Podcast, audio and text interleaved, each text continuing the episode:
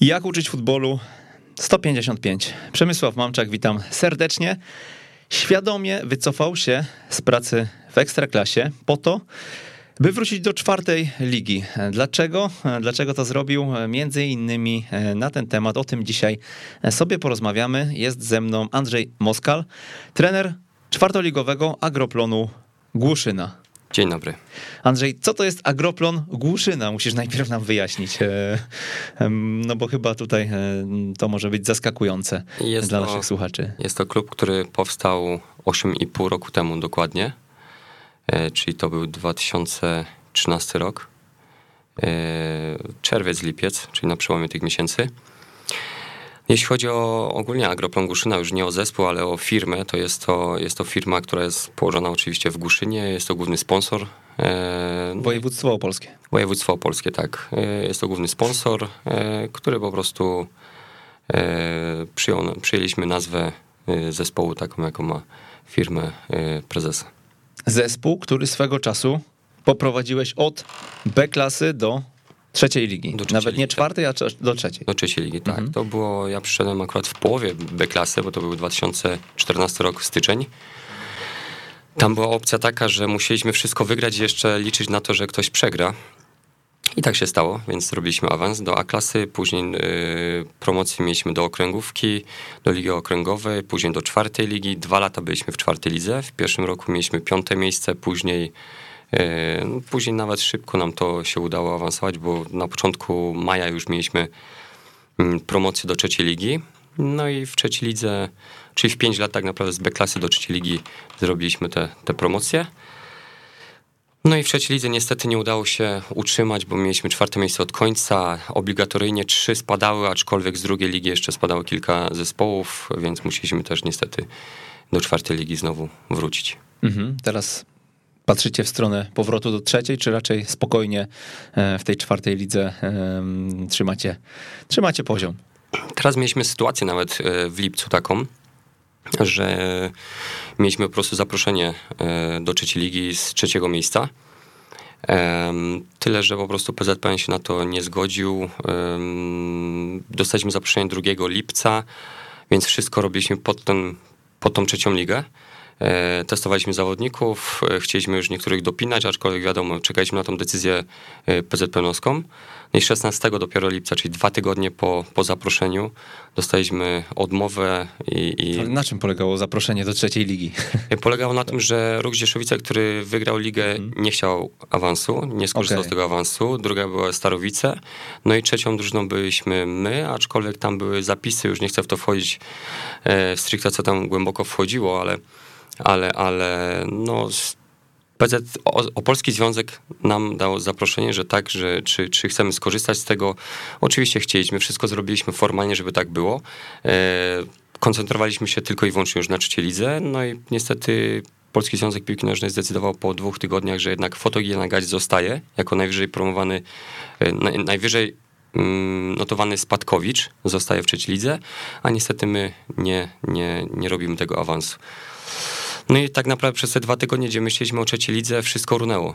Wszystko runęło, zawodnicy od nas odeszli, więc zbieraliśmy tak naprawdę zawodników z okolicznych miejscowości, z lig y, niższych, z okręgówek, nawet za klasy.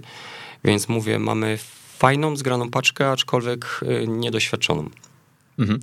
Ja wrócimy na pewno do realiów czwartoligowych, ale chciałem zapytać, bo ty jesteś bardzo ciekawą postacią. Ty pracowałeś wokół tych niższych lig od wielu, wielu lat. W pewnym momencie, w pewnym momencie dostrzegł cię Michał Probierz. No jak, tak. to było, jak to było z tą Krakowią? E, I może jeszcze cofnijmy się też do innych klubów, bo poza Agroplonem e, my się w ogóle poznaliśmy przy okazji twojej pracy w Wiktorii Ostrzeszów. Tak jest, tak jest. Jeszcze przed Ostrzeszowem miałem Trzcinicę, gdzie pamiętam jeszcze do tego klubu, jak przyszedłem, to była A-klasa i pamiętam powiem tak radykalnie, ale też takie zasady wprowadziłem, że może to zabrzmi dziwnie, ale yy, wiadomo jak to jest po, po meczach, czyli dużo jest yy, no, alkoholu, różnego rodzaju używek, że tak powiem. Ja to zabroniłem kategorycznie, więc od razu mi tu powiedzieli, że prawdopodobnie nikt nie przyjdzie na trening, no to powiem tylko tyle, że miałem 16,7 średnią frekwencję na cały rok w A-klasie, więc to naprawdę sporo. W pierwszym roku zrobiliśmy awans do okręgówki i to był znowu taki szczyt możliwości tej drużyny. Oczywiście chciałem zostać z tą drużyną, bo dla nie dla, że tak powiem, pięciu, sześciu, tylko dla całej drużyny była to nowość. Nie było żadnej tam osoby, która była ograna w lidze okręgowej, więc zrobiliśmy ten awans, później niestety też spadliśmy, więc to jest tak, że... Strzelnica to jest też mała wioska, prawda? Dokładnie, dokładnie. Jest to mała miejscowość e, gminna, która ma kameralny swój stadionik, ze światłami nawet, więc, więc jest, jest, jest dobrze. Stamtąd oczywiście też poszedłem, tak jak mówiłeś, już do Rzeszowa i tam się poznaliśmy. W Rzeszowie niestety byłem tylko 10 miesięcy. E, no tam były różne rzeczy. E, tam było bardzo fajnie pod kątem takim, że bardzo dobrze się pracowało do e, końca września. Mhm. Dlaczego akurat do końca września? Pewnie infrastruktura. Studenci. Aha, okay. Studenci i po prostu Jeszcze. później już y, studenci, studenci później wyjeżdżali. Niestety mm, braki finansowe, gdzieś tam prezes już nie do końca płacił jednym czy drugim, no i wiadomo, oni też nie przyjeżdżali. Jeśli nie mam ich na treningu, to nie możemy zrobić pewnych rzeczy. No i później tak naprawdę z szóstego miejsca, pamiętam, spaliśmy na dziewiąte. Później troszeczkę takie, takie kwestie finansowe też w następnej rundzie wyszły, że, że po trzech wygranych meczach w rundzie już wiosennej zrezygnowałem i, i, i był ten już projekt e, Agroplonu Guszyna. Już tak na 100% mi to powiedział i tam już się tak wdrożyłem do, do Guszyny już na 100%. Przed tym jeszcze tylko mogę powiedzieć, że e, przed Szcznicą jeszcze to pracowałem w starcie namysłów, tam gdzie grałem, trampkarzy i juniorów starszych miałem i to taką ciekawostkę mogę powiedzieć, bo w trampkarzach miałem rocznik 96 i 5, a w pewnym momencie przyszedł do mnie chłopak, w sumie jego tato, oczywiście znamy się całą rodziną, jego tato przyszedł, czy jego nie wezmę, z miłą chęcią wziąłem. Um, trenował 99 rocznik chłopak, więc wiadomo, 3 lata różnicy to jest bardzo dużo, jeśli chodzi o ligę trampkarzy. E, chłopak wchodził na 15, na 30, na 45 minut już później wchodził, więc naprawdę bardzo fajnie to wyglądało miał swoje zadania, które wykonywał bardzo dobrze, nawet powiem jeszcze inaczej, kierował się, już był takim, widać było z charakteru liderem, zaczął kierować, jak wchodził, to zaczął kierować y, linią defensywy przede wszystkim i to mi się bardzo podobało. Y, jeśli chodzi o nazwisko tego chłopaka, to jest Serafin Szota, dzisiaj w Wiśle Kraków gra. Hmm. Więc to akurat jest e, fajne wspomnienie. Później jak poszedłem do, do juniorów starszych, to wiadomo, wziąłem trzech, trzech bądź czterech chłopaków z tych trampkarzy, więc znowu trzy lata różnicy, bo w juniorach starszych było 9-3 rocznik, to wziąłem 9-6 rocznik i bardzo wszyscy się dziwili, dlaczego oni będą grać w podstawowym składzie i tak robili różnicę straszną. Rok treningów tylko i wyłącznie zrobiło różnicę straszną już 3 lata do starszej grupy jak poszli. Więc to, to mi na przykład było fajne i taką dodatkową motywację mi to dawało do dalszej pracy. Mhm.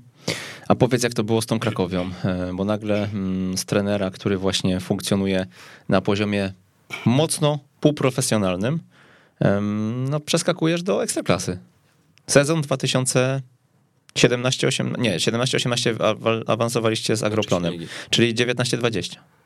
Tak, tak, tak. E, no, ja byłem też na stażu, więc mówię, bodajże w maju byłem na stażu w Krakowie przez tydzień czasu.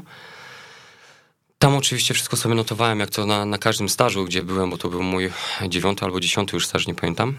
E, więc mówię, to już zawsze sobie notuję, zawsze jeśli mam okazję gdzieś jechać, to przede wszystkim od rana do wieczora, żeby ten czas po prostu zapełnić. E, tam pamiętam, że też ubiegałem się o to, żeby rozmawiać z trenerem probierzem. Bardzo mi na tym zależało.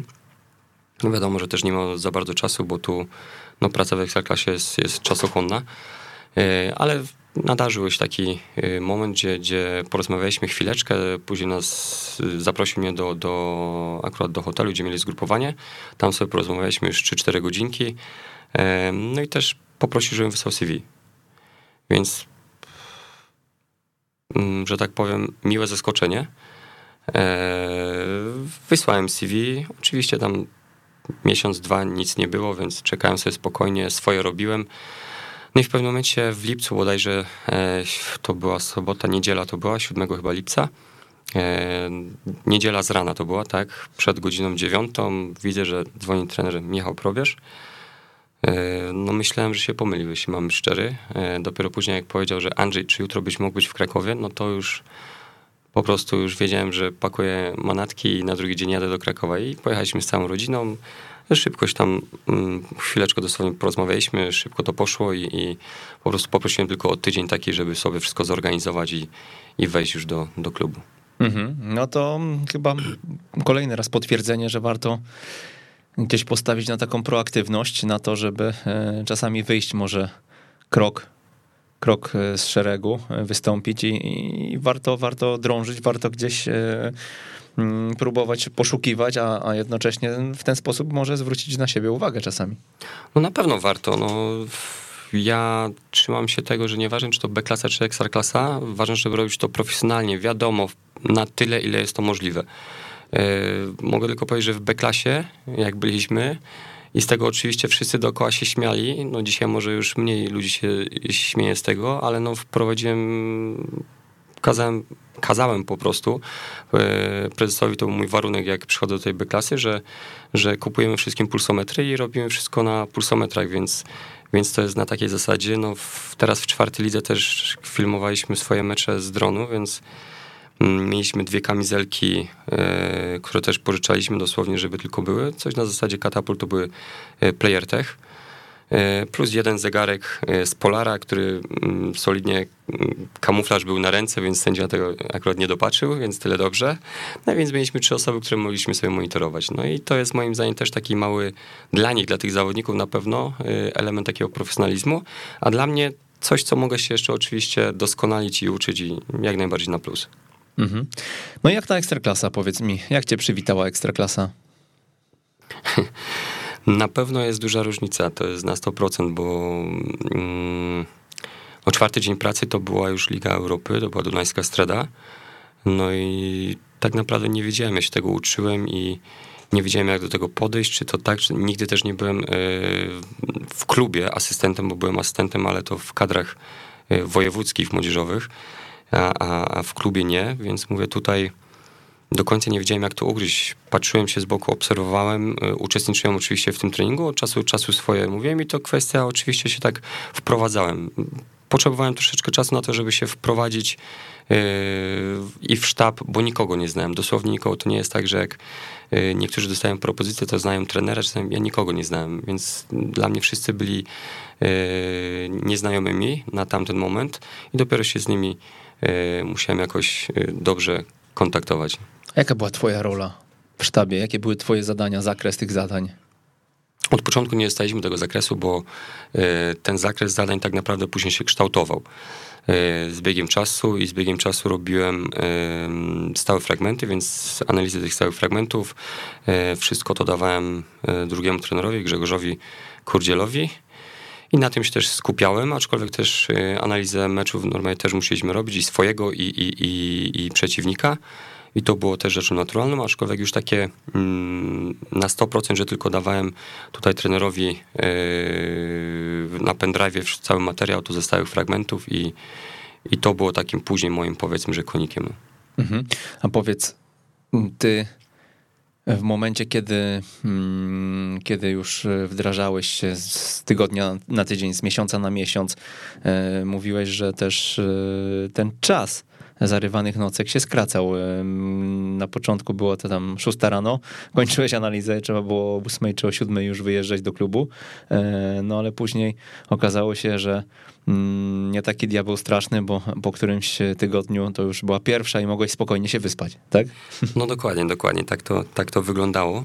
Mm, akurat też jeszcze jak byłem w Krakowie, to no często mieliśmy, to wiadomo, gdzieś tam telefony przed północą, żeby zrobić na jutro to i to, więc wiadomo, ten czas, tak jak mówiłeś, o piątej do wpół do szóstej często się robiło.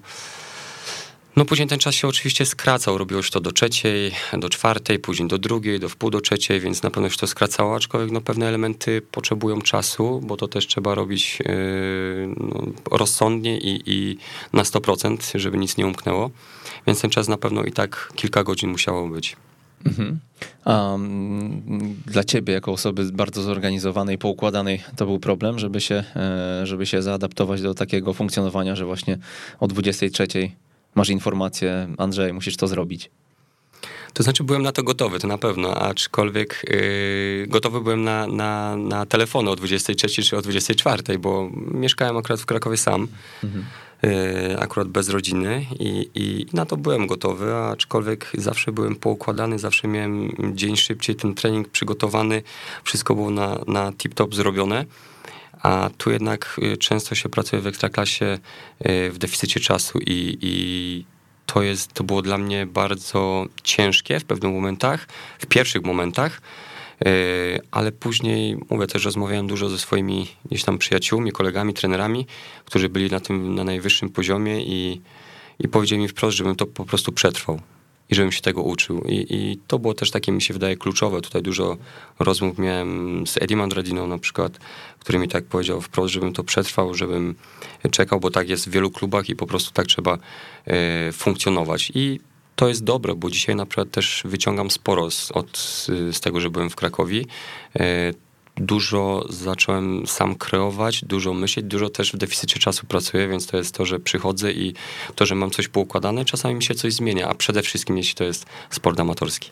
Mhm, a powiedz z perspektywy właśnie obserwacji tego z bliska, ty myślisz, że to jest jedyna droga w ekstraklasie dzisiaj, czy czy jednak nie? No bo um, patrząc na, na, na, badania też e, związane z e, naszym samopoczuciem, z tym, e, jak odbieramy pewne rzeczy, po prostu niewyspani jesteśmy dużo mniej efektywni i ten, um, ten etos pracy, o którym tak wiele się w kontekście zawodu trenera mówi, który prowadzi, bo etos pracy to jest coś pozytywnego, tak? Ale ten w, w rozumieniu naszym często właśnie upraszczany w ten sposób, że po prostu zarywasz nocki i śpisz po dwie godziny, no, raczej prowadzi do więcej, e, do, do, do, do bardziej e, złych mm, rezultatów niż e, do dobrych, tak? Według, według tego, co możemy gdzieś wyczytać w książkach. No ale pytanie, jak to ma się z rzeczywistością i czy ty dzisiaj mm, twierdzisz, że tak jest, czy jednak, czy jednak no jest inna droga?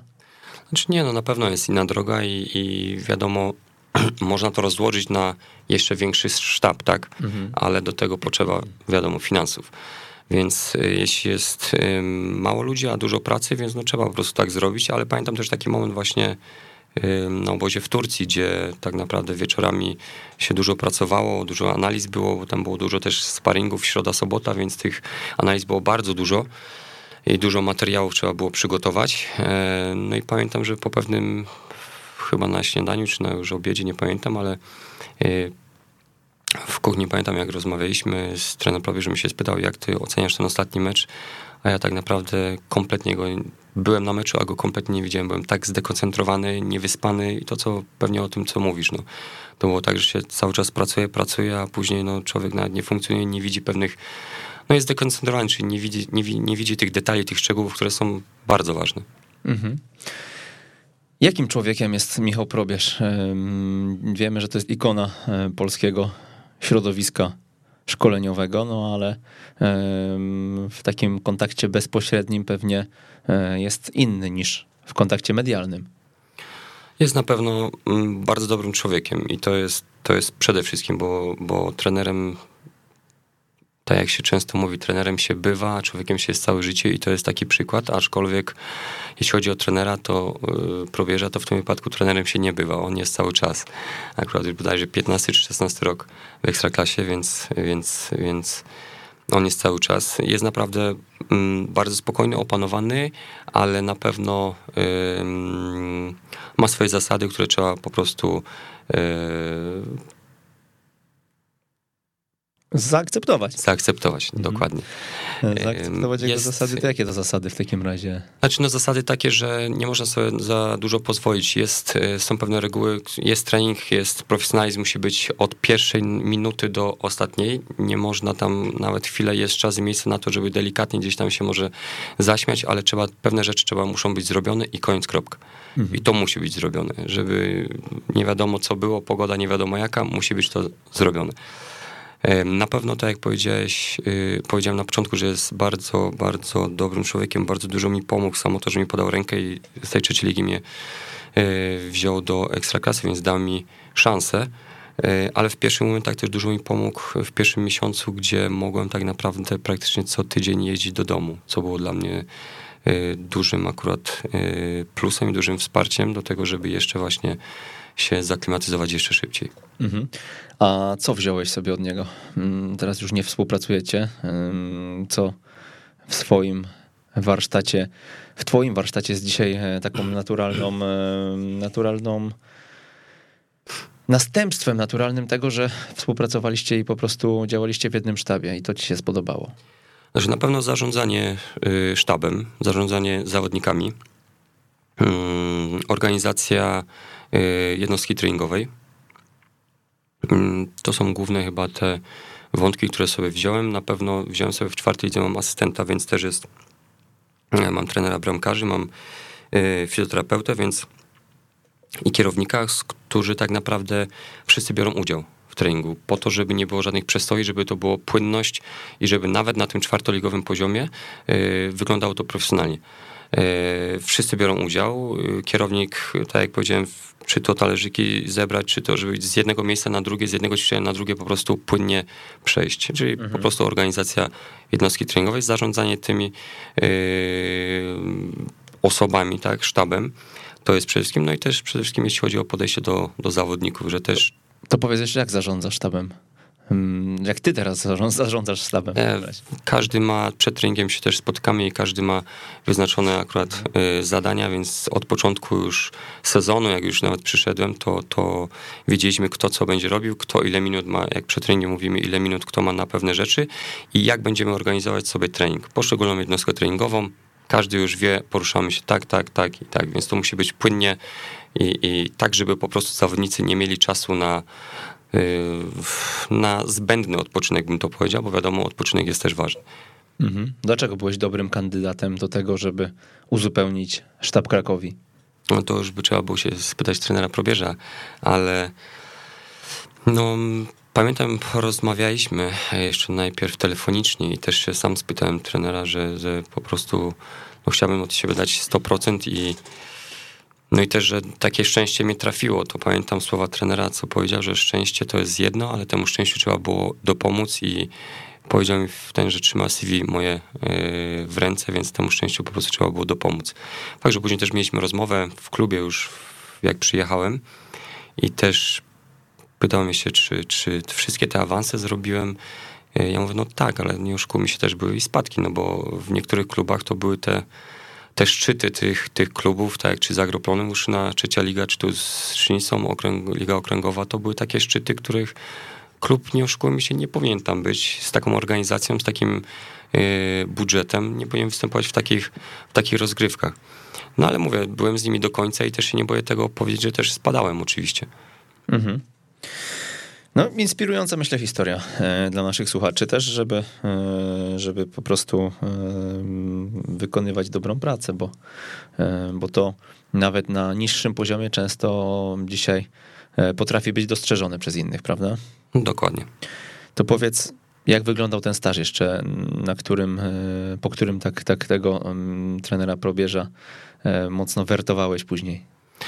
No ja przyjechałem e, na początku tygodnia i, i pierwsze co to oczywiście chciałem sobie tą całą organizację całego treningu, całego tygodnia już zobaczyć, tak żeby nie tylko na pierwszą drużynę jeździć e, i, i hospitować jednostki treningowe, ale też na juniorów, juniorów młodszych i te grupy młodzieżowe na pewno, bo, bo chciałem po prostu ten cały dzień zapełnić. No i tam było też dużo osób, bo tam było też dużo praktykantów, którzy robili kurs UFA, więc aż z niektórymi też y, siedziałem i się dziwili oczywiście, dlaczego ja zapisuję cokolwiek, a, oni sobie gdzieś tam rozmawiali. No ja, ja muszę mieć wszystko na zicher, bo gdzieś to sobie też do laptopa wszystko wpisuję i to wszystko chcę mieć po prostu y, w głowie. Wiadomo, wszystkiego nie można mieć, więc na ten papier, że tak powiem, przysłowiowy trzeba to przelać. E, no i szczegóły, przerwy wypoczynkowe, ile czas y, ćwiczenia poszczególnego trwa, takie rzeczy to mnie najbardziej interesowało, w którym to jest dniu, a dlaczego to, a dlaczego nie tak. No i później oczywiście chciałem mm, w poniedziałek, wtorek, środa, czwartek, tak się pytałem, czy trenerze możemy porozmawiać. Nie, nie ma czasu na razie i ten, dopiero w piątek i pamiętam, że w piątek na stadionie o 15 się umówiliśmy. Przyjechałem o 15, niestety nie miał czasu za bardzo, więc dopiero po treningu dosłownie 5 minut i to było 5 minut takie kluczowe, bo, bo od razu potem mnie zaprosił do Nowotelu akurat i, tam, tak jak mówiłem już szybciej, że rozmawialiśmy sobie już na spokojnie 3-4 godzinki i, i, i, i, no i tak później się to złożyło. Mhm. Bardzo to optymistycznie, pozytywnie wygląda, e, no ale później e, z tą Krakowią się rozstałeś i mm, znalazłem taką wypowiedź dla Radia Sud, kiedy powiedziałeś, że nie było czego porównywać, ale rodzina jest najważniejsza i tyle w tym temacie. Ty mieszkałeś w Krakowie sam. No dokładnie, mieszkałem w Wieliczce, dokładniej. E, powiem tak, przed Krakowią e, jakbym dostał propozycję z drugiej, z pierwszej już Ekstraklasie nawet nie myślałem wtedy, to pewnie bym wziął plecak i poszedł w ciemno, delikatnie tą rodzinę bym tak na drugi plan zestawił i to wprost nawet żonie też to mówiłem, że takie, taka sytuacja po prostu kiedyś będzie i taką sytuację będę chciał e, wykorzystać. Czy to będzie druga liga, czy pierwsza liga, mówię o Ekstraklasie, nawet już wtedy nie myślałem. Mhm. Zmienia się mentalność, jak się już tam jest i się pracuje.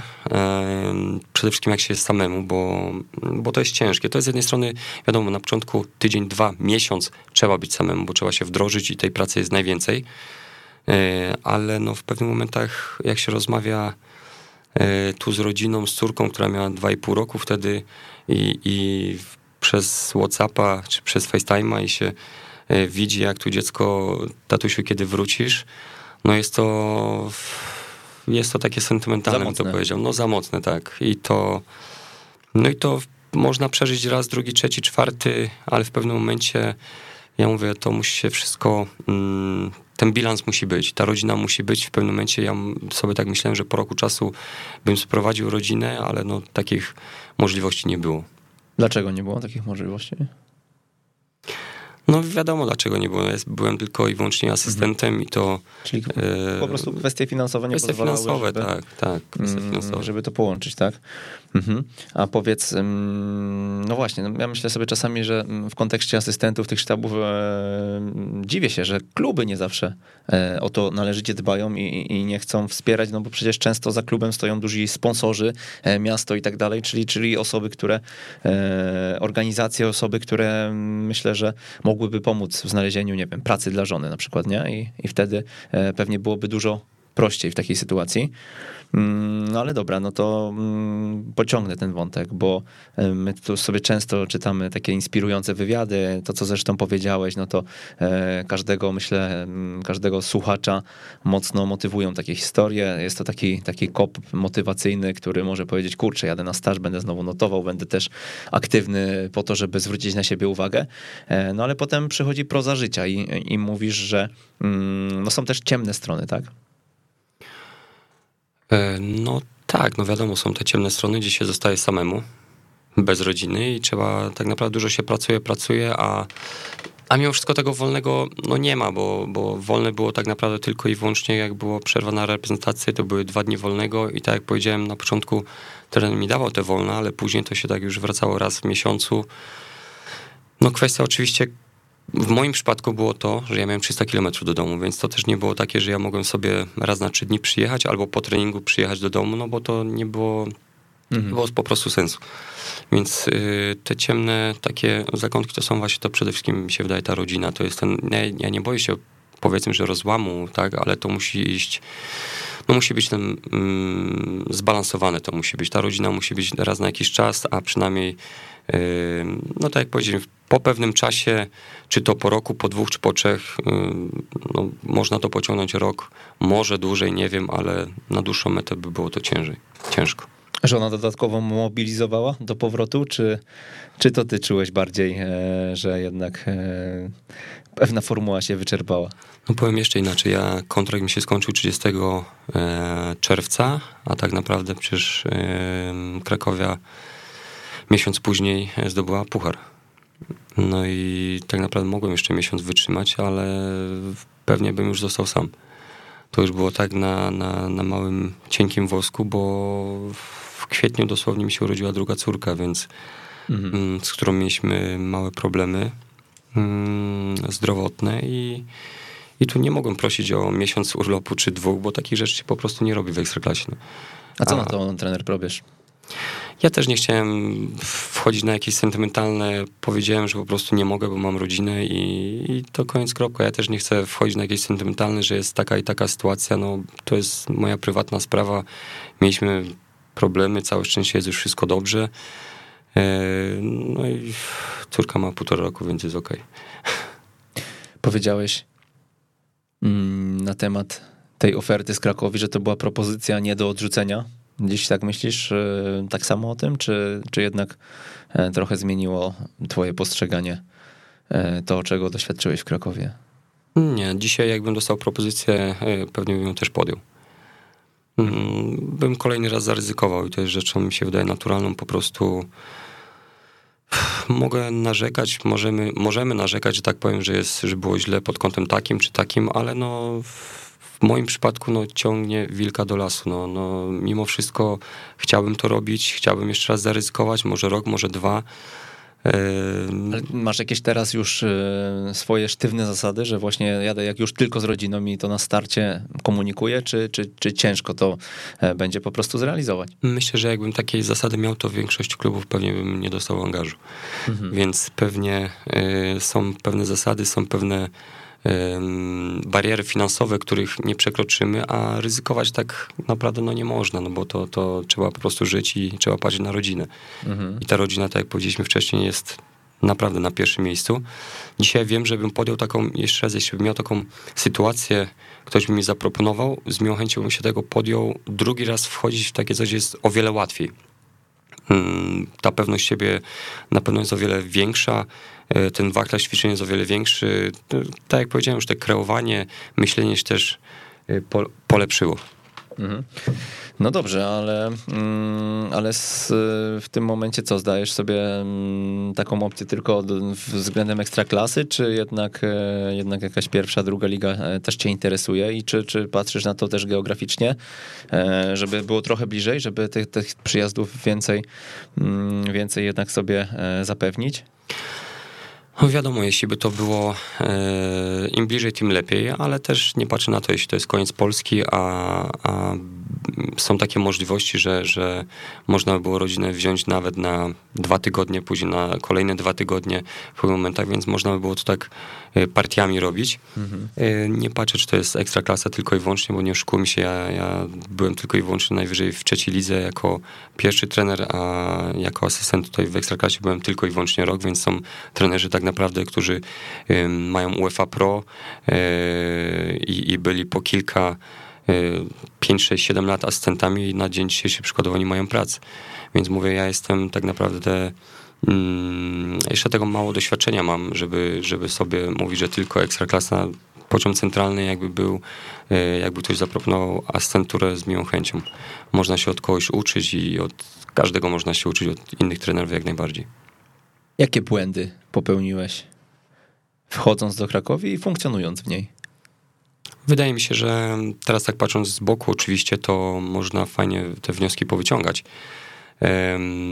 Pewność siebie była za mała. Ja jestem człowiekiem, co mi to któraś z kolei osoba mówi, że jestem skromny, aczkolwiek ja chcę się uczyć i nie do końca może proponuję swoje rozwiązania, a jak już... Za dużo pokory, a za mało pewności siebie. Tą pokorę to akurat mam dużo i jeszcze tej pokory lekcji spływa jeszcze więcej y, co rusz, więc y, ale mówię, tej pewności siebie brakuje. Brakowało przede wszystkim, bo teraz tak jak już powiedzieliśmy, po tej Krakowie jest naprawdę dobrze, czuję się pewnie. Nie chcę, żeby to tak samo musi być zrównoważone. Nie chcę, żeby było za dużo pokory, za dużo, yy, a, a, za dużo gdzieś tam gdzieś pychy. To musi być zbalansowane, żeby być normalnym człowiekiem i dobrym trenerem. Mhm. A co, znowu, tak jak względem trenera Prowierza już powiedziałeś, co od niego wyciągnąłeś, a co z pracy w Ekstraklasie wyciągnąłeś na plus i też dzisiaj, dzisiaj wiesz, że e, tego się nauczyłeś i to wzbogaciło twój warsztat?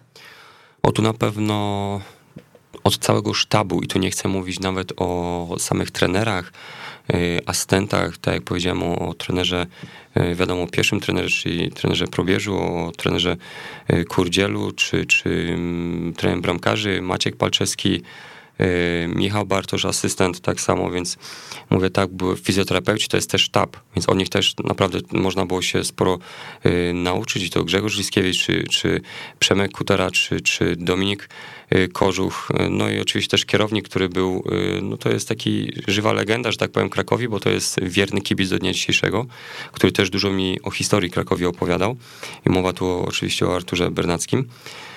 Więc od, od całego tego sztabu można się było dużo nauczyć, a jeśli chodzi już takie stricte rzeczowe już elementy, to na pewno duża współpraca tu z trenerem Probierzem, czy z trenerem z Grzegorzem Kurdzielem, no to no dużo analiz tego się uczyłem. Jak patrzeć na, na, na przeciwnika, co wyciągać, różne detale, powtarzalność, takie, takie sytuacje, więc mówię, tą analizę na pewno dużo, dużo się nauczyłem. Nawet już po Krakowie, jak wróciłem, to sam czwartą ligę analizowałem sam to, co robił trener Probierz, to, co robił yy, Grzegorz Kurdziel, to, co ja robiłem, to później jeszcze yy, odprawa przedmeczowa, więc te wszystkie elementy, które kilka osób robiło, robiłem to sam w czwartej lidze i nie było, że tak powiem, powycinane już y, przykładowo z Instatu różne elementy, tylko trzeba było to z nagrań niekoniecznie taktycznych, bo w czwartej lidze nie oszukujmy się, te kamery są różnorakie jakość też jest różna, ale wszystko to robiłem i tak jak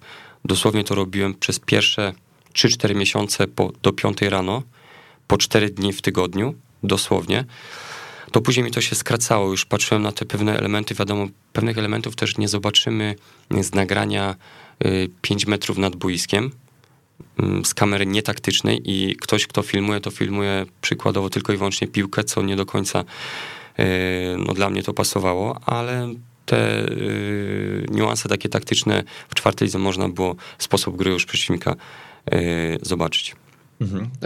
Jeszcze raz tutaj odnoszę, że za chwilę wrócimy do czwartej ligi, jeszcze przejdziemy sobie do niej i na pewno ją troszkę bardziej spróbujemy poeksplorować. E, powiedz, czy Twoim zdaniem, żeby zdać sobie sprawę z tego, jak realnie wygląda życie trenera na profesjonalnym poziomie, trzeba tam się pojawić? Czy, czy możemy sobie to jakoś przekazywać? Nie ma takiej opcji. Trzeba to przeżyć. Dlatego łatwo jest komuś z boku mówić, że a, mogłeś tak, mogłeś tak. Mhm. Komuś, kto tego nigdy nie przeżył.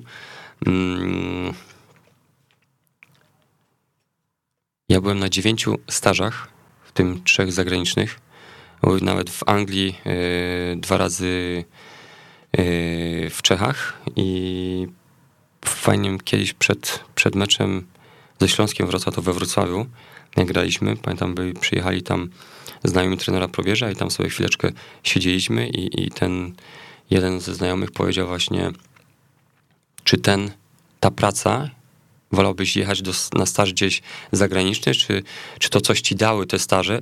Ja powiem tego na 100%, to te staże dały mi 10% może. Może.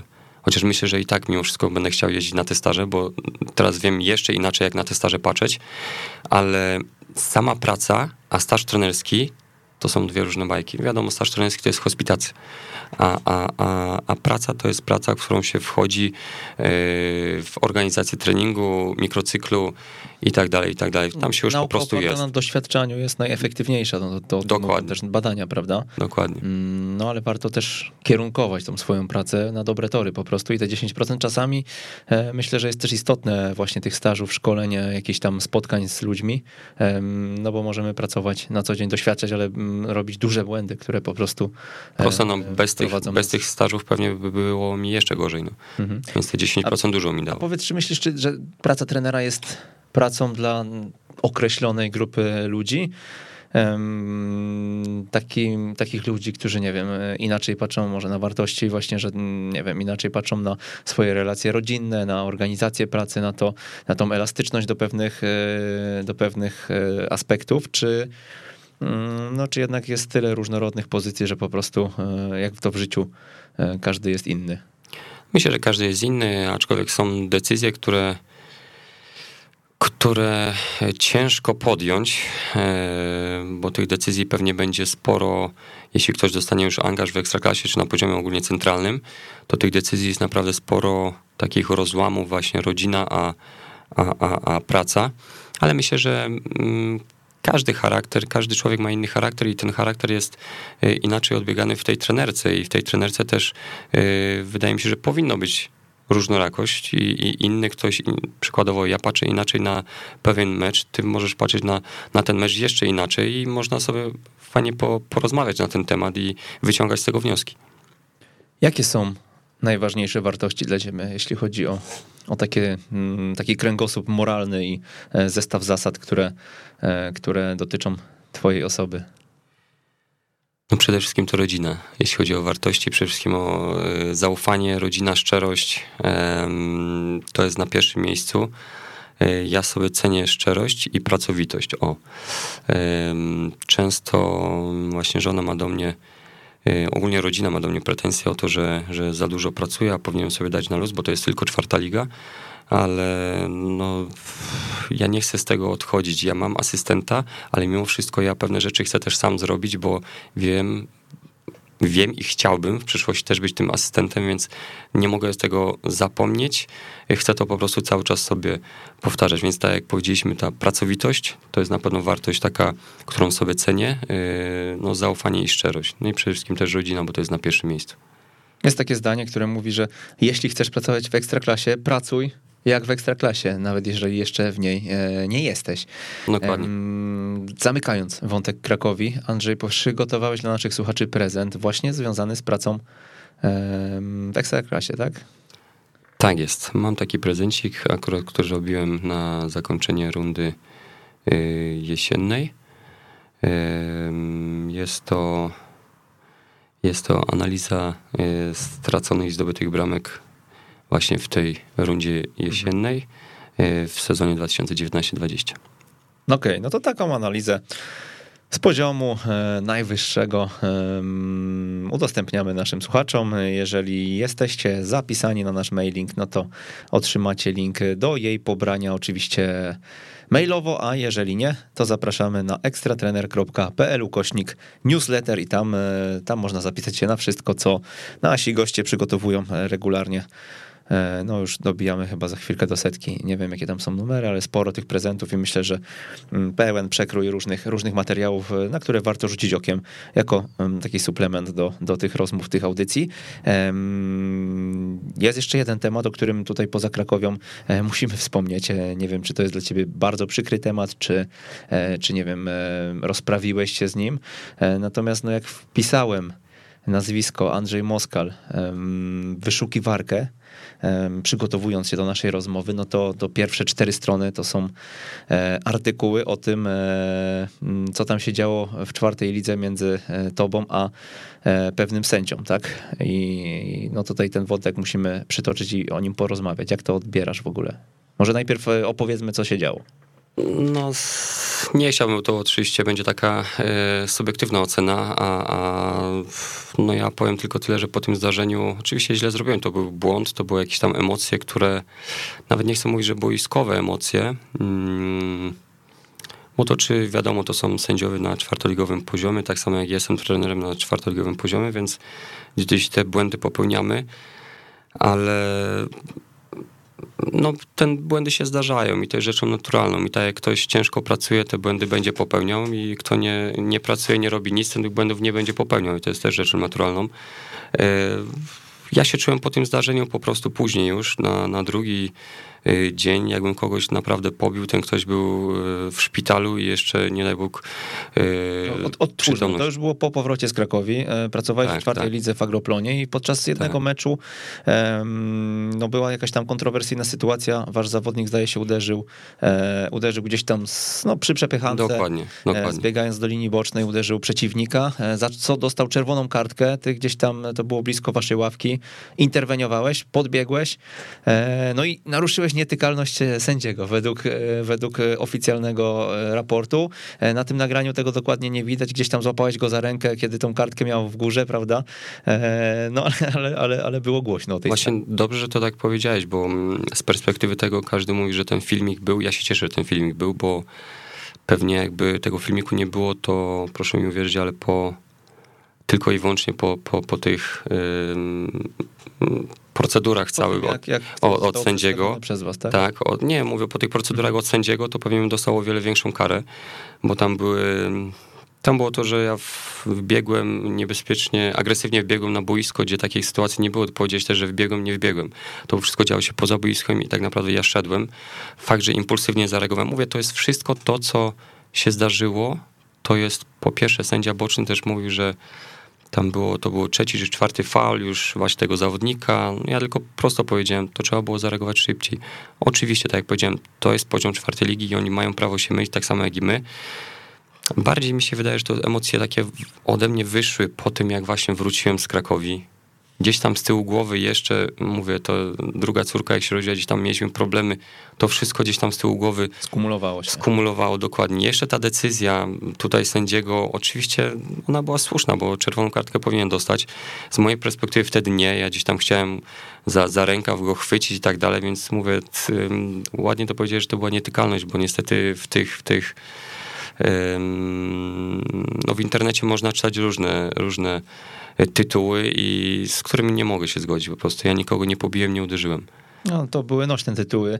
E, natomiast, Wiadomo. Natomiast e, no, no tutaj na pewno przekroczyłeś taką granicę, chociaż zawsze kontekst jest istotny i to, co mówisz, ta akumulacja pewnych rzeczy też e, no, nie usprawiedliwia cię to, ale w jakiś sposób można starać się zrozumieć i podejść empatycznie do takich sytuacji.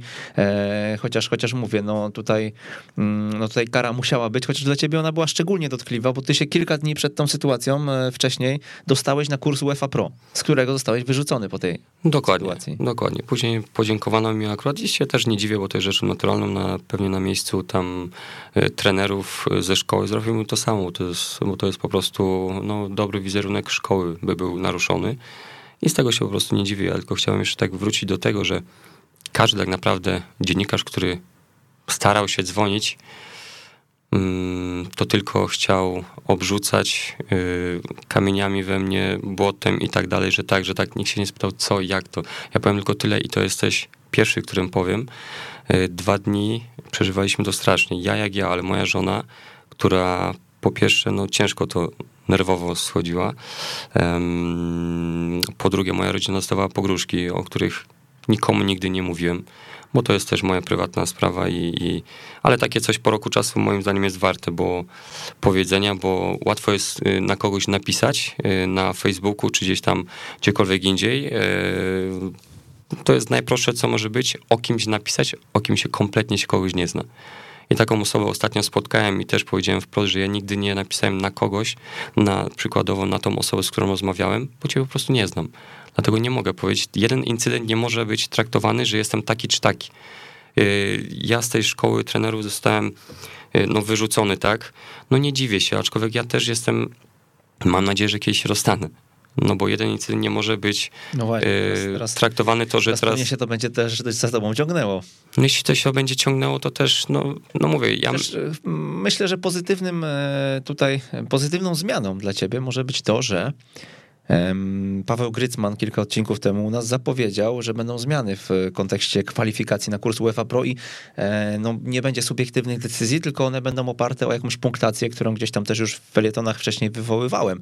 E, a to może sprawić, że wtedy no, nikt nie będzie patrzył, kurczę, nie bierzmy tego Moskala, bo za chwilę wszyscy będą pisać, że bierzemy e, tego gościa, który pobił sędziego. Nie? No, ja wiem, że to może ciebie boleć znowu, no ale no, tak działa no, tak dzisiaj internet. Nie? Tak I. I dzisiaj myślę, że ta zmiana może, może pozytywnie dla ciebie podziałać, czyli rozumiem, że tutaj nieustępliwie będziesz walczył, żeby się na kurs dostać. Chciałbym na pewno, jest to, było to moim marzeniem i jest to moim marzeniem.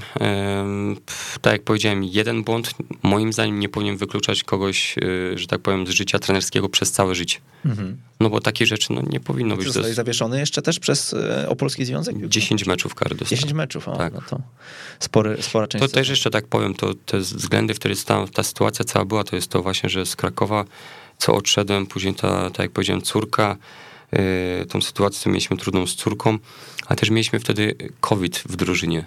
I to były te mecze, w których my graliśmy 9 spotkań, dosłownie środa, sobota, środa, sobota w miesiącu. Mhm. I to był jeden z tych każdy spotkań. zawodnik mniej to też to był jest, duży problem. To jest ogólnie masakra, że to się, no ja nie miałem czasu na to, żeby z nimi trenować, tylko był jeden trening mecz, jeden trening mecz, więc to było bardzo też ciężkie, takie skumulowane, aczkolwiek no mówię, no trzeba te emocje gdzieś tam trzymać i, i tu nie ma też, ja broń Boże nie chcę się usprawiedliwiać, bo to nie na tym no rzecz właśnie, polega. powiedz jak, jak wygląda w, w twoim wydaniu właśnie kontrola emocji. E, tak sobie przejrzałem, akurat e, zgrało mi się, e, więc to wywołam.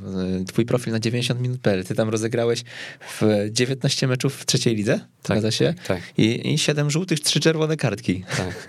Ale to ostatnio też byłem w TVP3 Opole akurat, e, bodajże we wrześniu, tam mm, w studio i też mi o to pytano, e, to powiem tyle. Jest to mm, trzecia liga, start namysłów, Beniaminek, e, drużyna, która nie oszukujmy się, była jedna z słabszych, która walczyła o utrzymanie.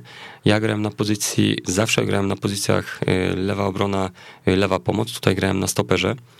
Więc na środku obrony, nie oszukujmy się, tutaj często miałem dwóch przeciwników przeciwko mnie. I te sytuacje były czasami takie y, banalne, dokładnie, no, takie pomocnicze i tak dalej. No ten, ten bezpośrednią czerwoną kartkę pamiętam, że dostałem mniej więcej na 20 metrze od naszej bramki, wślizg od tyłu, zagarnąłem piłkę, wstałem z piłką, prowadzę, sędzia główny nic nie powiedział, a boczny 35 metrów z boku, bo to było na środku, mhm. yy, no, pomachał. Nie będziemy wnikać też już do tych jakichś tam sytuacji poszczególnych, ale powiedz, czy dzisiaj myślisz, że te doświadczenia zmieniły twoje podejście, może i nie wiem, e, pracowałeś też nad e, jakąś, nad tą kontrolą emocji szeroko rozumianą, czy, e, czy dzisiaj myślisz, że no nie wiem, po prostu to, to się skumulowało, a dzisiaj jesteś dużo bardziej doświadczony w tym zakresie i nie masz z tym kłopotu? Ja myślę, że to się skumulowało. To była naprawdę taka sytuacja, której mówię, no, nikomu gdzieś tam nie życzę, aczkolwiek mówię, sprawy prywatne, osobiste, plus oczywiście to, to jeszcze ten COVID w drużynie, to się gdzieś tam skumulowało. Powiem tylko tyle, na pewno sędziowie, którzy później nam teraz sędziują cały czas, proszę mi wierzyć, ale też prowokują i nie chcę mówić, że prowokują, ale dają mi do zrozumienia, żebym trzymał te emocje i ja jestem bardzo akurat w tym wypadku już taki spokojny, często się gdzieś tam z boku, jak rozmawiamy z sędziami, to nawet się śmiejemy w trakcie meczu, więc to, to nie mam z tym problemu. No wracając jeszcze do trenera Probierza, tego spokoju chyba e, nauczyć się przy nim e, nie było łatwo. Nie, to nie jest tak. On jest, jest, bardzo ekspresyjny. No na pewno tak, ale mówię, to jest też w grze i to, no nie dziwmy się, bo to jest też przeżywanie tego meczu i to jest rzeczą naturalną. Wiadomo, że tam są no, różne momenty, Y, są momenty, gdzie się wygrywa 3-0, więc wiadomo jest spokój i cisza, ale są momenty, gdzie wszystko jest na styku, a jeszcze trzeba bronić ten wynik, no to są czasami momenty no ciężkie, ale nie, naprawdę tutaj jest w dużej mierze jest opanowany i spokojny, jeśli chodzi o trenera Probierza i tu na pewno często dużo osób mnie właśnie brało pod tym kątem, że porównywało do trenera Probierza. Nie, ja, ja mam swój charakter i też jestem inny, a trener Probierz jest trener Probierz. Hmm. Powiedz, co jest twoim zdaniem najważniejsze w pracy na poziomie czwartej ligi? Na pewno podejście i to podejście swoje jako trenera, mhm. żeby to później przelać na, na podejście y, zawodników.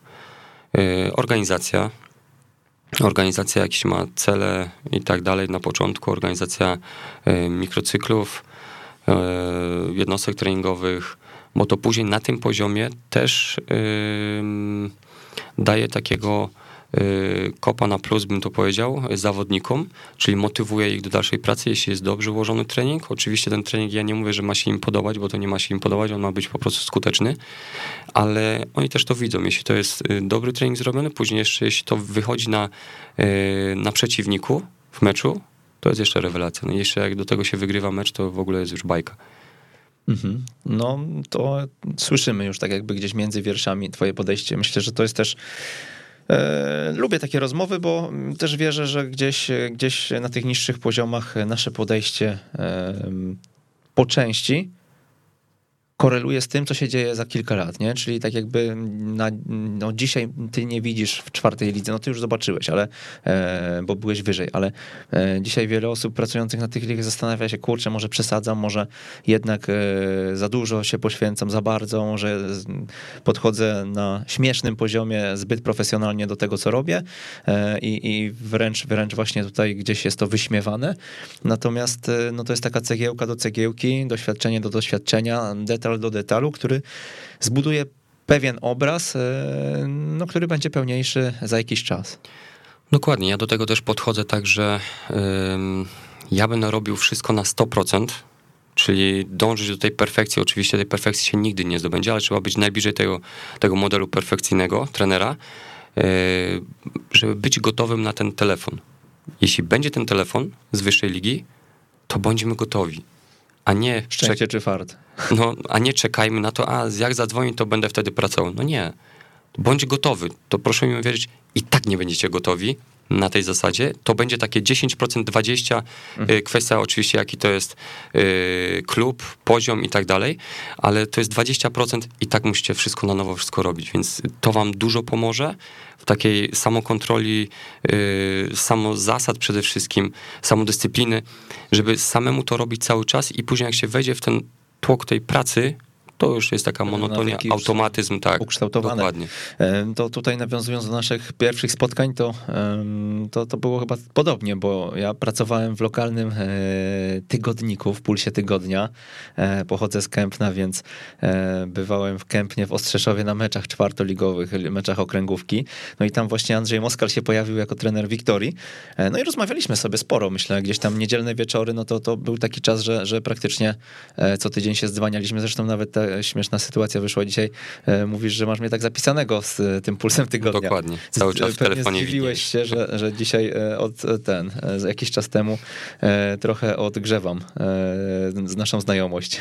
No dokładnie, dokładnie, ale tak jak powiedziałeś, te, te, ja lubię ogólnie rozmawiać, tak samo jak i teraz z Trybuną Polskiej dzwonią i też lubię właśnie podpytać, a to czy to jeszcze, jak ktoś był na meczu, to tak, tak jak z tobą. No. Prosiłeś, prosiłeś, żebym gdzieś tam został i wypytywałeś o poszczególnych zawodników, jak właśnie to widzimy i tak dalej, chociaż no, szczerze mówiąc, myślę, że dziennikarze to nie jest dobry też kierunek. Tak, dokładnie, mi e, bardziej chodziło... I tutaj nie uderzając nie, w dziennikarzy, bo dzisiaj po części traktuje się jako dziennikarza, ale już trochę jednak nie.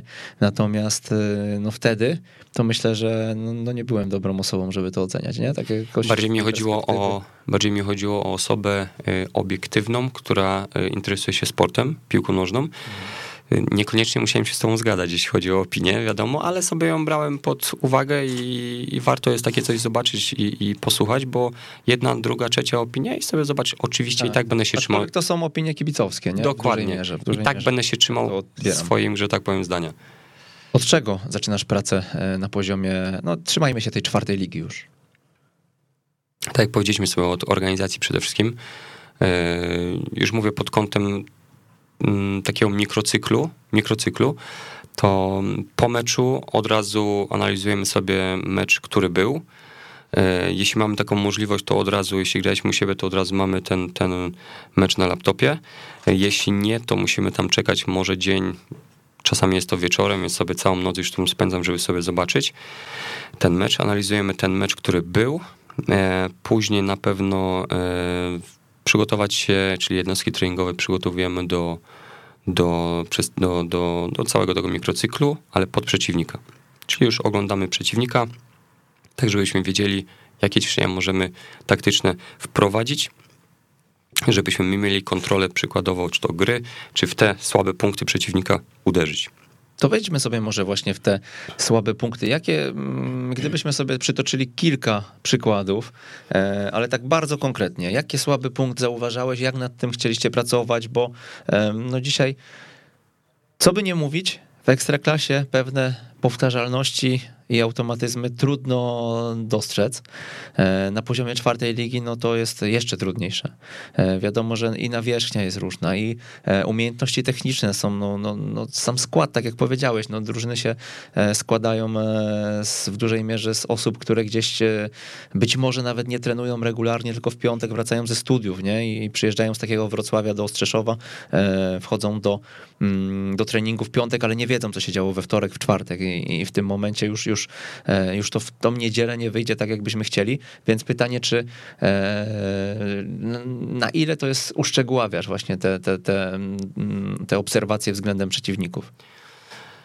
Staramy się jak naj, e, najbardziej te szczegóły zobaczyć, ale tak jak już wcześniej też powiedzieliśmy, tak jak teraz wspomniałeś, te kamery są po prostu, mm, nie chcę mówić, że słabej jakości, ale po prostu no, nie, powin, nie są filmowane te mecze tak, jak powinny. Mhm. mogę dać tylko taki przykład, że graliśmy z Wiktorią e, Chruścice, który właśnie nie zauważyłem momentu, gdzie przechodzą do trójki w budowie, a często to robili, a bo kamera była czasami tu z tej strony, czasami szybko przeszli do trójki i zaraz było dalekie podanie.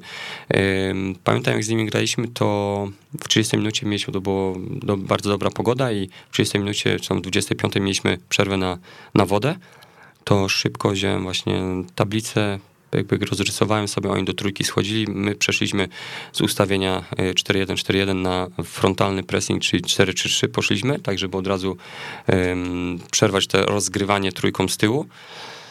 No i udało się. Dlatego mówię, często jest tak, że nie widzimy tego y, na kamerach, aczkolwiek w Sarkasie jest to widoczne, no tak um, Pamiętam często takie przerzuty dalekie w Wiśle Kraków, to robił Basza, który właśnie był defensywnym pomocnikiem i te przerzuty robił y, do Wisła Kraków. Pamiętam też dużo kontrataków ze stałych fragmentów po rzutach rożnych robiła i to była też tego mocna. Więc mówię, takie, takie niuanse tam są bardziej widoczne, bo jest, są różne kamery. Jest kamera y, ta telewizyjna, że tak powiem, i, i, kamera taktyczna i to jest duży plus. No, w czwartej lidze tego nie ma. Jest kamera, którą obsługuje albo były zawodnik, albo zawodnik, który pauzuje, albo osoba, która po prostu też do końca tego nie potrafi, wiadomo. I są to też zwykłe mhm. takie kamerki z poziomu boiska. Mhm. No dobra, no to powiedz, powiedz nam jeszcze, jakie aspekty mogą pomóc e, jeszcze trenerom, którzy pracują na tym na tym poziomie niższym, półamatorskim, gdzie właśnie, no może nie mają tej kamery, może, może tutaj masz jakiś patent na e, pracę asystenta. Mm, co, co, co tutaj, jaka taka mała rzecz może wspomóc proces? No takie, jak już nie ma tej kamery, chociaż mimo wszystko bym się ubiegał o to, żeby była kamera, E, tak jak powiedziałem, kamera jak kamera, ale jeszcze u siebie, tak ja mam ten dron, możliwość, to jest mm. naprawdę już perfekcja. To jest już naprawdę bardzo dobrze. A nagrywacie każdy trening dronem? Nie, nie trening nie. Treningi mamy kilka nagranych, e, kilka mamy treningów nagranych e, z dronu, ale mecze u siebie mieliśmy cały czas. A to kto to e, robił? Mój znajomy po prostu. Mhm. Też mu tak, e, że tak powiem, płaciliśmy do ręki, że tak powiem, bo to jest dron też ten najmniejszy, 250 gram, który mhm. też musieliśmy zwracać uwagę, że to była dobra pogoda, bo bo tam delikatne jakieś wiatry czy coś, to już, czy deszcz, to już wiadomo, było też już ciężko. No, ale dawaliśmy sobie radę i, i, i z różnych perspektyw ten dron oczywiście był, ale tak wracając do jeszcze do tego tematu, to jeśli ktoś nie ma tego możliwości, a ma asystenta, no wiadomo, można tutaj liczyć czy podania, czy, czy już takie bardziej statystyczne y, rzeczy podania, czy uderzenia przeciwników, czy stałe fragmenty, ile rzutów rożnych kto wykonuje, czy to są rzuty rożne oczywiście y, dochodzące, odchodzące i tak dalej. No to są takie aspekty, które tylko możemy zobaczyć i na papier przelać. No. Mhm. Ale takie czasy to były raczej kiedyś. No. A jak ty oglądasz mecze? Na co zwracasz uwagę i masz jakiś taki mm, opracowaną e, punkt po punkcie strukturę tej obserwacji? Y, przede wszystkim, jak y, obserwujemy, wiadomo, no, koncentrujemy się na, na przeciwniku, czy na ofensywach, defensywach, ofensywie, defensywie i przykładowo jak mamy y, defensywę, to też staramy się tylko i wyłącznie te aspekty defensywne wprowadzać.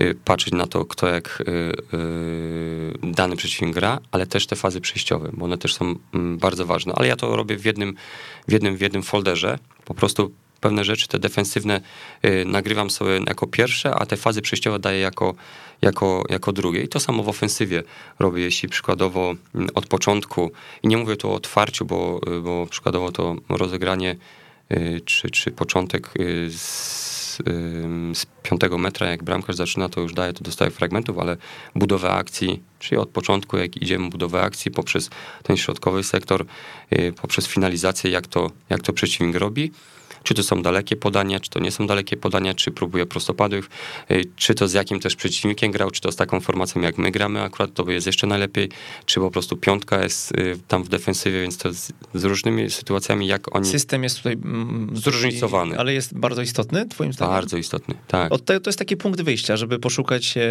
przestrzeni, w których będziemy, nie wiem, my mieć przewagę albo... No to jest y, prosty przykład, jeśli przeciwnik gra, gram z przeciwnikiem, który gra przykładowo też czwórką z tyłu, mhm. ale obserwuję najczęściej obserwuję trzy, czasami cztery mecze, ale trzy mecze i przykładowo się tak trafi, że ten przeciwnik gra ja też gram czwórką akurat z tyłu, obrońcami, ale przykładowo ten przeciwnik grał trzy ostatnie mecze z przeciwnikiem, który gra trójką z tyłu. No piątką w tym wypadku, jeśli chodzi o, o ustawienie w defensywie. Mm. No to nie do końca mi to też odzwierciedla. To, co on pewnie będzie grał przeciwko mnie. Dlatego muszę sobie znaleźć takie, takiego y, u niego przeciwnika, żeby mi pasował pod moim. Jeśli chodzi o stałe fragmenty, jest to samo. No ja, ja kryję strefowo.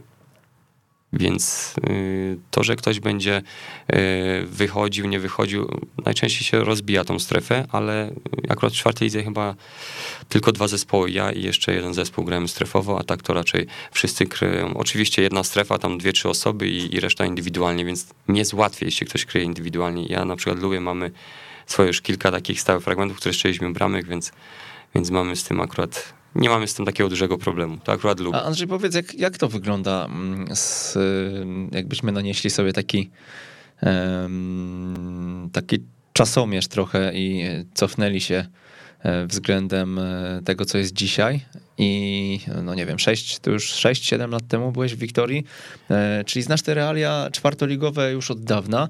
I jak obserwujesz, dużo się zmienia pod kątem podejścia właśnie trenerów, bo ja pamiętam czasy, kiedy w okręgówce czy w czwartej lidze, to ci trenerzy naprawdę bardzo, e, bardzo luźno podchodzili do takich aspektów taktycznych. I no, mam wrażenie, że wiele klubów e, to funkcjonowało tak, że, że w ogóle tych powtarzalnych zachowań, nie wiem, w przejściach jakiś, czy układzie trzech e, na pięciu, mm, w defensywie, czy, czy, czy w jakichś e, właśnie ustawieniach obrony, no to raczej się to zawężało do, do takiej czutki zawodników, którzy tam występowali. No nie, nie oszukujmy się, w czwartej lidze to raczej tak skrupulatnie nie chcę mówić, że nikt, aczkolwiek myślę, że 99% tego nie robi trener. No ale no, coś wyciągasz z tych analiz, tak? Czy oglądasz no, tak, no jest to dużo. Nie, no, ale mówię, no to jest to, ja wiem, że u nas w czwartej lidze to jest jeszcze może jeden czy dwóch trenerów, którzy robią okay. tak.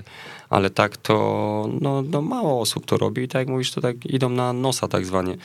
No, my z tego wyciągamy no to i to co, dużo. Z dyspozycji no. zawodników wyciągasz jakieś wnioski, czy, czy no przytocz na przykład jakiś, e, co ostatni miałeś mecz, e, e, do którego gdzieś tam cofnijmy się kilka tygodni wstecz i, i zobaczmy jakieś, jakieś spotkanie, z którego coś wyciągnąłeś i jak się chcieliście na to przeciwstawić.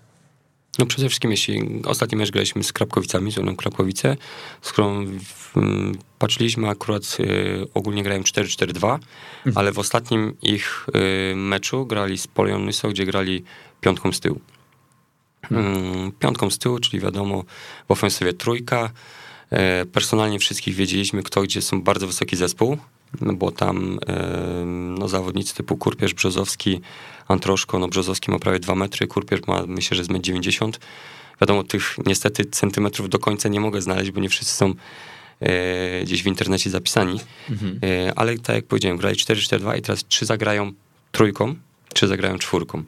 E, przygotowaliśmy się pod jedno i po drugie. E, mieliśmy e, akurat też fragment taktyczny w ofensywie, ćwiczenia techniczno-taktyczne w ofensywie, organizację w, w ofensywie, gdzie ustawiliśmy i piątkę obrońców, ale też ustawiliśmy czwórkę, więc dużo na pewno mm, dawaliśmy prostopadłych, bo z tym mieli problemy. Z tym stracili bramki przykładowo z Piotrówką, właśnie prostopadły bodaj między stoperami. Wiadomo, jeśli ktoś na tym poziomie jest wysoki, no to ta zwrotność mhm. i szybkość jest troszeczkę już gorsza. A my w ofensywie mamy bardzo szybkich zawodników, więc to chcieliśmy też wykorzystać. E, wiedzieliśmy też, że jeśli będą grać 4-4-2, to e, będą grać dalekimi podaniami i to jest ich charakterystyczne. Grają pod jednego yy, zbiegającego do gry napastnika, który przebija głową do następnego. I to jest takie charakterystyczne dla Krapkowic. Wiedzieliśmy też, że musimy zapobiegać stałym fragmentom, no bo rzeczą naturalną są wysocy.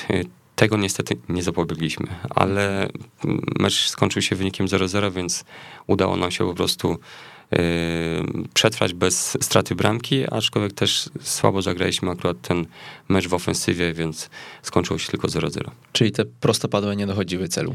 Nie dochodziły, niestety tu też yy, troszeczkę nam się szpital już teraz zaczął, ale też no, u mnie w drużynie jest tak specyficznie, bo gramy naprawdę bardzo dobre spotkania, powiedziałbym w niektórych momentach nawet yy, znakomite, jak dosłownie tydzień jeszcze szybciej przed Krapkowicami graliśmy z rezerwami Odry Opole, która gra 4-3-3 bardzo ofensywnie i my też zagraliśmy 4-3 bardzo ofensywnie i wygraliśmy 3-1, świetny mecz. Wiedzieliśmy, że mamy przewagę Jaką? No doświadczenie. Przede wszystkim tam jest dużo mm, młodych zawodników, aczkolwiek w tym momencie, gdzie my z nimi graliśmy, było pięciu czy sześciu zawodników z pierwszej drużyny, którzy gdzieś tam się przebijają do pierwszej drużyny, ale poradziliśmy sobie właśnie tą agresją, tym kontrpressingiem przede wszystkim, czyli te założenia, które ma tak naprawdę przeciwnik, w tym wypadku Odra Opole, które miała, my to wykorzystaliśmy robiliśmy to samo, tylko przeciwko nim. Jak oni się zachowują? A to jak, jak na tych napastników jeszcze z Krapkowicami reagowali, reagowaliście? Jeden mówisz zbiegał trochę niżej, tak? Jeden zbiegał niżej, głową? dokładnie. To co zanim e, puszczaliście? Jeśli pierwszą sytuację mieliśmy taką, nasz stoper idzie i próbuje wygrać głowę, jeśli pierwszy raz się nie uda, drugi się nie uda, po prostu schodzimy niżej i prosto, jeśli my nie podchodzimy do niego, ten przeciwnik, tam jest mało komunikacji. Ten, nie, to nawet nie o to, tam jest, tam jest mało komunikacji i on będzie i tak robił to samo, czyli tak będzie zbijał piłkę jeszcze do tyłu, a my tam musimy się, a my musimy się zasekurować i jeden jest więcej, dokładnie. Mhm. No, czyli tak e, chyba chodzi o e, takie mm, bardziej ogólne rzeczy, tak? Bardziej ogólne, tu jest też w Krapkowice jeszcze patrzyliśmy na te górne podania, czyli na tą drugą piłkę. Bo to, że wygramy pierwszą, bądź nawet czy przegramy, to ta druga piłka jest bardzo ważna. I w, w Ekstraklasie jest tak samo. Mm, też jak zauważycie, to te drugie piłki to są czasami tak kluczowe. Jak się wygra, to to można stworzyć naprawdę zagrożenie. Mhm. Czy proces analizy i to, na co zwracaliście uwagę w Ekstraklasie, a w czwartej lidze mocno się różni? Chodzi mi o postrzeganie meczu. Czy, czy tam podobne rzeczy i podobne wnioski wyciągaliście, tylko po prostu one były bardziej może widoczne, wyeksponowane?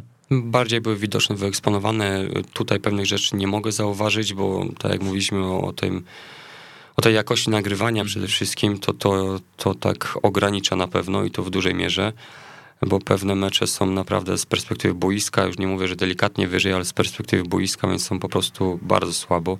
Więc nawet jeśli później mamy odprawę i gdzieś tam pokazuję te filmiki, to no jest ciężko, chociaż mówię, każdą odprawę robię multimedialnie i to też jest też jest problem, bo nie mamy, no rzutnik mam swój prywatny oczywiście, nasz klubowy, który akurat wozimy cały czas, no ale wiadomo, jak jedziemy gdzieś, robimy to na ścianie u siebie yy, w klubie, ale jeśli jedziemy gdzieś, to też musimy na ściany. Te ściany są różne. Mogą być czerwone, zielone i to mhm. wiadomo, później w filmie jest różnoraki odbierany. Mhm. Ile razy trenujecie w tygodniu? Trzy razy w tygodniu. Jakie dni? Powiem tak, jak przyszedłem po Krakowi, trenowaliśmy wtorek, czwartek, piątek. W tym poniedziałek był takim dniem indywidualnym. Dostawali rozpiski i po prostu robili, co mieli robić i mi to bardziej pasowało, aczkolwiek później też yy, mi to pasowało, bo nawet powiem jeszcze inaczej, yy, po tej Krakowi też dużo się nauczyłem, nie tyle, bardzo grałem ofensywnie przed Krakowem. Po, po Krakowi nauczyłem się grać nie tyle ofensywnie, iść na całość, tylko jednak mimo wszystko gdzieś tam e, zbalansować to wszystko, zrównoważyć i też tą grę defensywną poprawiłem i, i chciałem nad tym skupić, skupić uwagę w tym wypadku i tak naprawdę mieliśmy drugie miejsce po pierwszej rundzie. Tymi właśnie analizami, ale mimo wszystko później kilku kapitanów przyszło i powiedziało, że te analizy wszystko fajnie, ale oni też mają rodziny, pracę i tak dalej, więc to jest ciężkie, żeby to wszystko zrobić. Jest to, mm, myślałem, że mimo wszystko można to przełożyć, ale mimo wszystko jest to ciężkie. Jest to po prostu ciężkie dla tych chłopaków, bo nie tyle, że są półtorej godziny czy tam dwie godziny na treningu, bo muszą wiadomo przyjechać, zorganizować się, to jeszcze po tym jest kilka, muszą kilkadziesiąt czy tam kilkanaście minut zostać na, na, na tą analizę, a tej analizy robiliśmy no, no co trening mhm. trzy razy. Później zeszliśmy na poniedziałek, czwartek, poniedziałek, środa i czwartek. Ty dzisiaj pracujesz e, tylko w Agroplonie, czy na to sobie pozwolić nawet e, przy, e, przy poważnym sponsorze, jak na warunki czwartoligowe pozwolić nie można? Nie, no tutaj no nie można, nie można, mhm. nie ma takiej opcji. Tu pracuję w szkole jeszcze jako y, nauczyciel WF-u i no i tu wiadomo, po, po, po tych lekcjach, po tej pracy w szkole y, organizuję sobie trening. Dzisiaj więcej czasu dla rodziny jest? No na pewno tak, na pewno samą tą przyjemnością jest to, jak, jak zawoży dziecko do przedszkola nawet. To jest niby, można powiedzieć, że to obowiązek, ale to jest też przyjemność, bo później w pewnym momencie jak to znika, to Chociaż to jest najgorsza brakuje. robota, ja tak. uważam. bo jeszcze w, w, tym momencie, jak ci się obraca córka i mówi, a no tato, jadę z tobą, e, a ty mówisz, nie, no mam pracę, no to w tym momencie jest zawsze e, niesympatycznie tak, patrzeć ale, na mnie, ale jak sobie, właśnie ale sobie, kilka metrów się oddala. Wyobraź sobie teraz, że na pół roku ci to y, tracisz to, że nie możesz, nie możesz zawodzić. To później jak do tego wracasz, to z miłą chęcią to robisz. No, chociaż ja wolę odbierać. E, jak powiedz mi, obecnie patrzysz na swój rozwój e, i mm, gdzie szukasz inspiracji? Wiem, że staże, tutaj już parę razy to wybrzmiało, że mm, no, to jest jakaś tam część twojego życia. Na tak? pewno konferencje. Na tej konferencji już byłem na ponad 20 e, i to w całej Polsce i, i na pewno to jest takie kluczowe w którym można z każdej konferencji coś wyciągnąć dla siebie. Y, nawet jeśli to miałoby trwać 5 godzin, a jedno zdanie, które będzie kluczowe, to naprawdę jest warto, bo to są właśnie te niuanse. Nie, nie wszystko jest dla wszystkich trenerów, y, dla poszczególnych, w poszczególnych, że tak powiem, tych, od tych prelegentów oczywiście, którzy są. E, no i staże, moim zdaniem to jest mocny punkt, te staże trenerskie, bo kwestia kto do tego jak podchodzi, jeśli ktoś podchodzi do tego, żeby odbyć to, fajnie zobaczyć jeszcze miasto i tak dalej, to nie o to chodzi. Jechać i naprawdę się w tym zaangażować od rana do wieczora, gdziekolwiek byłem, bo, bo mówię na tych stażach, byłem na dziewięciu stażach w Polsce, na sześciu bodajże i, i, i, i trzy zagraniczne i, i tutaj czy to w Anglii, e, w Crystal Palace, czy, czy, czy w Slawii Wsparcie Praga. Myślę, że dogadalibyście się z Rafałem Wisłockim, musicie się umówić na, na jakiś staż. W ostatnim odcinku właśnie o tym, e, o tym Rafał opowiadał. Jak ty chciałbyś, żeby grały twoje zespoły? Ty dopasowujesz się do tego, co, co, co zostajesz e, w szatni, czy, czy forsujesz swój model gry? Mówimy o poziomie czwartej ligi, czy to jakbym chciał? Nie, no, no możemy mm, przyjąć dwie opcje. No raczej skłaniamy się ku tej czwartej lidze, e, ale, ale oczywiście no wiadomo, najpierw wymarzony model też możemy pokazać. Najpierw patrzę na to e, po prostu, jakich zawodników mam, czy mam bardziej ofensywnych, czy, czy defensywnych, e, jakich zawodników mam na poszczególnych pozycjach i czy mogę sobie taką formację dobrać, jaką ja bym chciał, czy jednak nie. Ale mimo wszystko wolę grać ofensywnie, czwórką z tyłu, to przede wszystkim. Ja wiem, że teraz jest trendy takie na trójkę i nie jest mi to, że tak powiem, obce, bo też tutaj e, akurat też sobie analizowałem Sporting Lizbona z tamtego sezonu. No z początku tego sezonu, przepraszam. Tutaj akurat też młody trener tam jest, e, Ruben Amorim, który naprawdę dobrą robotę zrobił i też miał UEFA, a zdobył mistrzostwo Portugalii, teraz jest na UEFA Pro. E, więc na pewno dużo się można od tych meczów właśnie tam trójką e, w defensywie grania dużo się nauczyć, ale mimo wszystko wolę 4-3, bo z tego można przekształcić na trójkę i, lubię 3-4-3 czy 4-2-1 na tej zasadzie, więc mówię, mm, lubię z czwórki, z 4-3 przechodzić na, na, na 3-4-3. Mhm. A coś o stylu gry możemy powiedzieć, że mm, zespoły Andrzeja Moskala grają właśnie, właśnie tak. E, to powiem tak, na pewno taki styl miałem przed Krakowią, bo, bo teraz dopiero e, do tego podchodzimy, ale to trzeba, mówię, my jesteśmy też w takim kiepskim momencie, jeśli chodzi o, o nasz klub teraz. No tak jak powiedziałem, tutaj nam miesiąc temu prezes zmarł, więc to jest, mówię, ciężki moment i, i, i zobaczymy, co będzie oczywiście dalej, ale no jak byłem szybciej przed, przed Krakowem jeszcze, to graliśmy bardzo ofensywnie. E, oczywiście kluby pewnie wiedziały o tym, że będziemy bardzo wysoko, e, presowaliśmy, mieliśmy założenia takie, że pressing robimy na dwa sposoby, albo dziewiątka, która odcina lub też jeśli przeciwnik daje podanie do boku i wtedy po prostu gramy najczęściej jeden na jeden. Nie podwajamy, e, co oczywiście dzisiaj też pewnie bym to troszeczkę zmienił, ale wtedy nie podwajaliśmy, graliśmy wszystko na jeden jeden, dlatego też uczyłem tego jeden na jeden w defensywie i w ofensywie, że musimy być w tym mocni. I to jest też specyfika dzisiejszej, e, jeśli ktoś chce grać trójką z tyłu, bo, bo tu albo się gra bardzo ofensywnie albo bardzo defensywnie. Średnim pressingiem będzie ciężko, bo się odsłania te przestrzenie. No i na pewno jeśli chodzi o trójkę z tyłu jeszcze, to na pewno by trzeba było e, mieć dobrych zawodników e, personalnie, już teraz mówię, indywidualnie w pojedynkach jeden na jeden w defensywie, bo to jest kluczowe. 12 lat pracujesz jako trener? A teraz to 2021 mamy, więc szybkie. Tak, tak. 12, 12 lat, tak. tak. Dobrze, dobrze tak. wyczytałem. Słuchaj, a z czego jesteś po tych 12 latach najbardziej dumny? Na pewno z tego, co zrobiliśmy w Głuszynie, e, bo tak jak powiedzieliśmy szybciej, jest to w 5 lat zrobić taki progres z drużyną, którą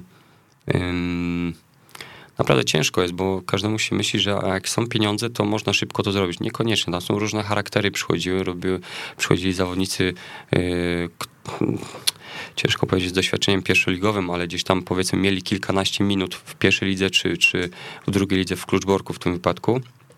I już się im wydawało, że są zawodnikami, aczkolwiek tutaj schodzili poziom niżej i też to są różne charaktery i, i mi się wydaje, że tutaj mm, cieszę się z tego, że te, w te pięć lat zrobiliśmy naprawdę bardzo dobrą robotę, bardzo dobrą pracę wykonaliśmy. E, w 5 lat zrobić awans z B-klasy do trzeciej ligi to jest naprawdę, nie chcę mówić, że szczyt marzeń, bo szczyt marzeń było czwartej ligi do ekstraklasy oczywiście, ale jak się nie ma co się lubi, to się lubi co się ma. Więc na pewno to jest dla mnie takim mm, miód na serce, że tak powiem. To na pewno jest y, taką motywacją do dalszej pracy. I na pewno tym zwieńczeniem była ta Krakowia, do której poszedłem i tam na pewno się dużo jeszcze nauczyłem, bo, bo tak jak powiedziałem od trenera Probierza, czy od y, tutaj Grzegorza Kurdziela, czy od innych przede wszystkim ze sztabu, ale też samego zachowania, samego y, pracy tej trenerskiej oczywiście w sztabie, bo tego też nigdy nie miałem oczywiście. Ja też pracowałem sam, teraz dopiero mam asystenta, więc też wiem jak mniej więcej reagować, jak zarządzać tym, tym klubem, ale tak jak powiedzieliśmy, najbardziej co mnie w mojej tej przygodzie dwunastoletniej, tak jak powiedziałeś, to te pięć lat, które zrobiliśmy z Agroplanem Guszyna, to, było, to był taki sufit, który nie powinien się wydarzyć z taką drużyną, a jednak się wydarzyło.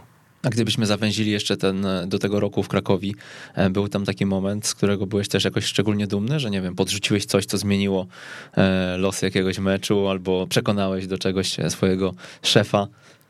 Wiesz co, był taki moment, gdzie właśnie yy, Grzegorz Kurczę pojechał na, na kurs, bo, bo był wtedy w trakcie kursu UEFA Pro. I pamiętam, że mieliśmy robić, to był drugi, trzeci miesiąc mojej pracy i mieliśmy robić właśnie analizę mieliśmy grać z Pogonią Szczecin.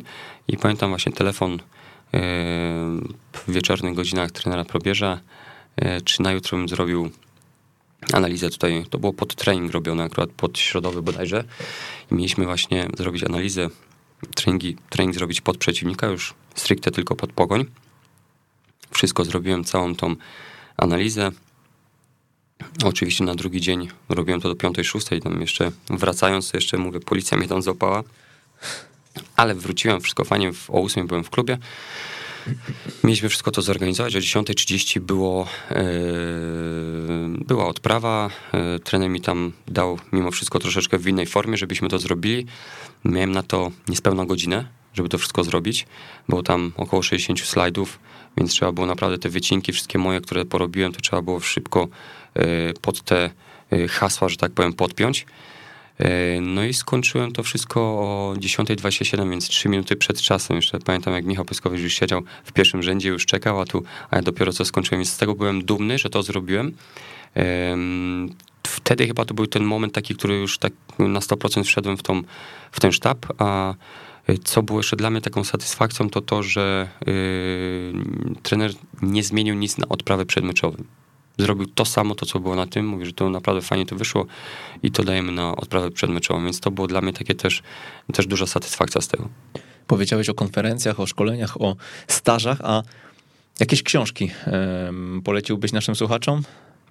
Takie pięć tytułów oczywiście będę. Ja lubię oczywiście mm, jakieś te biografie i tak dalej, więc to jest, to jest bardzo to lubię, aczkolwiek mam taką jedną, którą też mi tutaj yy, Grzegorz Kurdziel poradził i, i, on kupił, on mi ją pożyczył później ją przeczytałem. I to jest Malcolma Gladwella Poza schematem. Jest to świetna książka, którą na pewno yy, wszystkim bym proponował i zachęcał do przeczytania. Yy, tam można się dowiedzieć o różnych, nie tylko o sportowych aspektach, bo, bo o, piłce, o piłce nożnej czy o, o hokeistach, ale ogólnie jak sportowcy. I to też można podpiąć pod całą naszą nawet młodzież. Najczęściej ci sportowcy, tam było też wyliczenie ładne, jak, jak reprezentacja Hiszpania mm, dlaczego jest taka dobra, dlaczego ta młodzież jest taka dobra. Wszyscy praktycznie szkolenie, oczywiście to jedno, bo jest bardzo dobre, ale wszyscy tam, większość byli urodzeni w styczeń, luty, marzec, co też jest oczywiście ważne. Bo jeśli bierzemy kogoś zawodnika, który jest z grudnia, to już ma te 10 miesięcy mniej.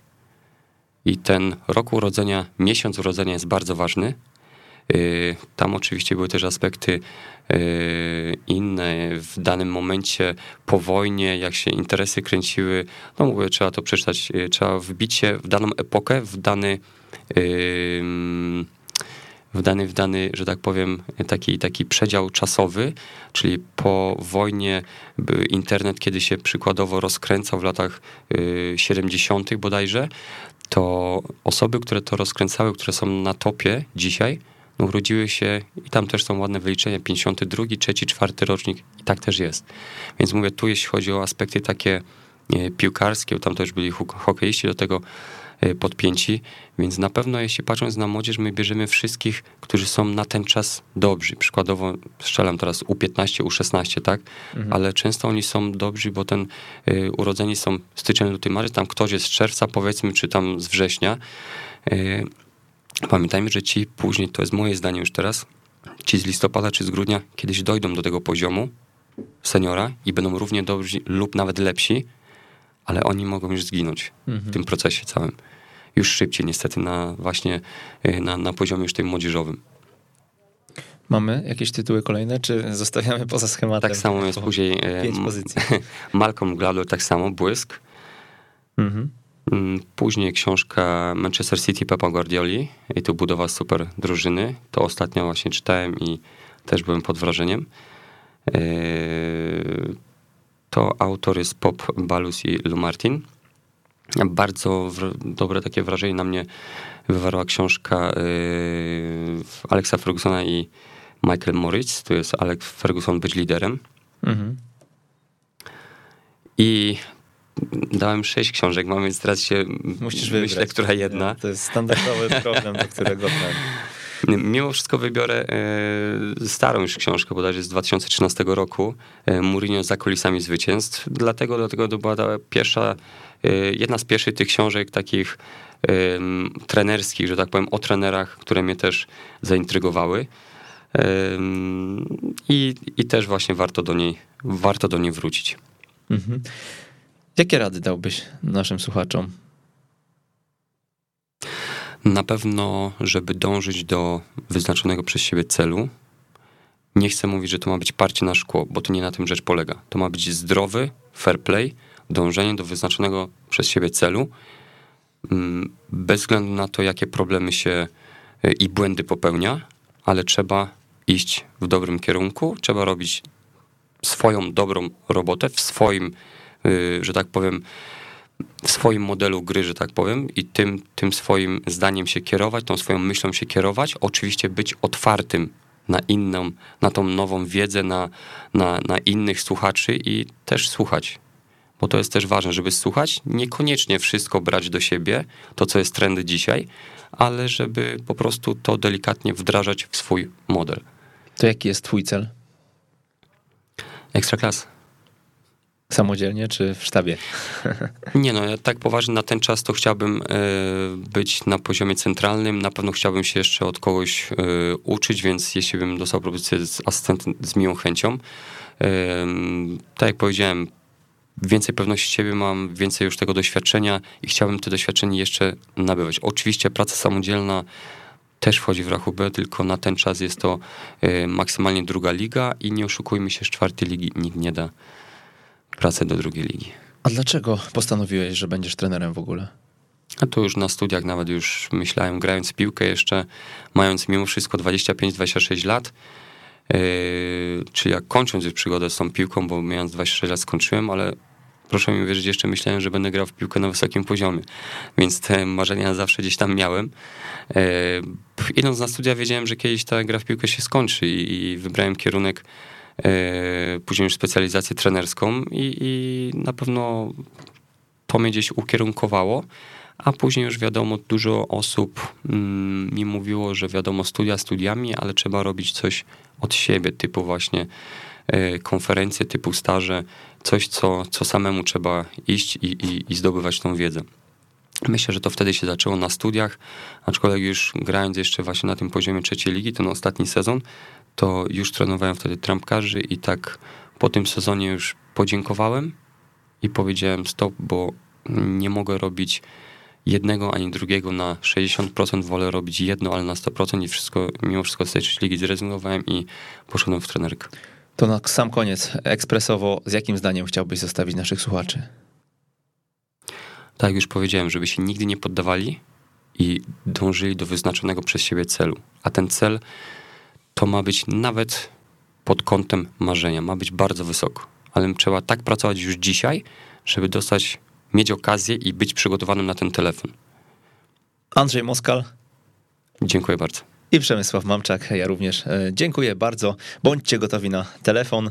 E, słuchajcie, jak uczyć futbolu i e, budujcie, budujcie bazę pod właśnie telefony z propozycjami. Mm, to był 155 odcinek Jak uczyć futbolu.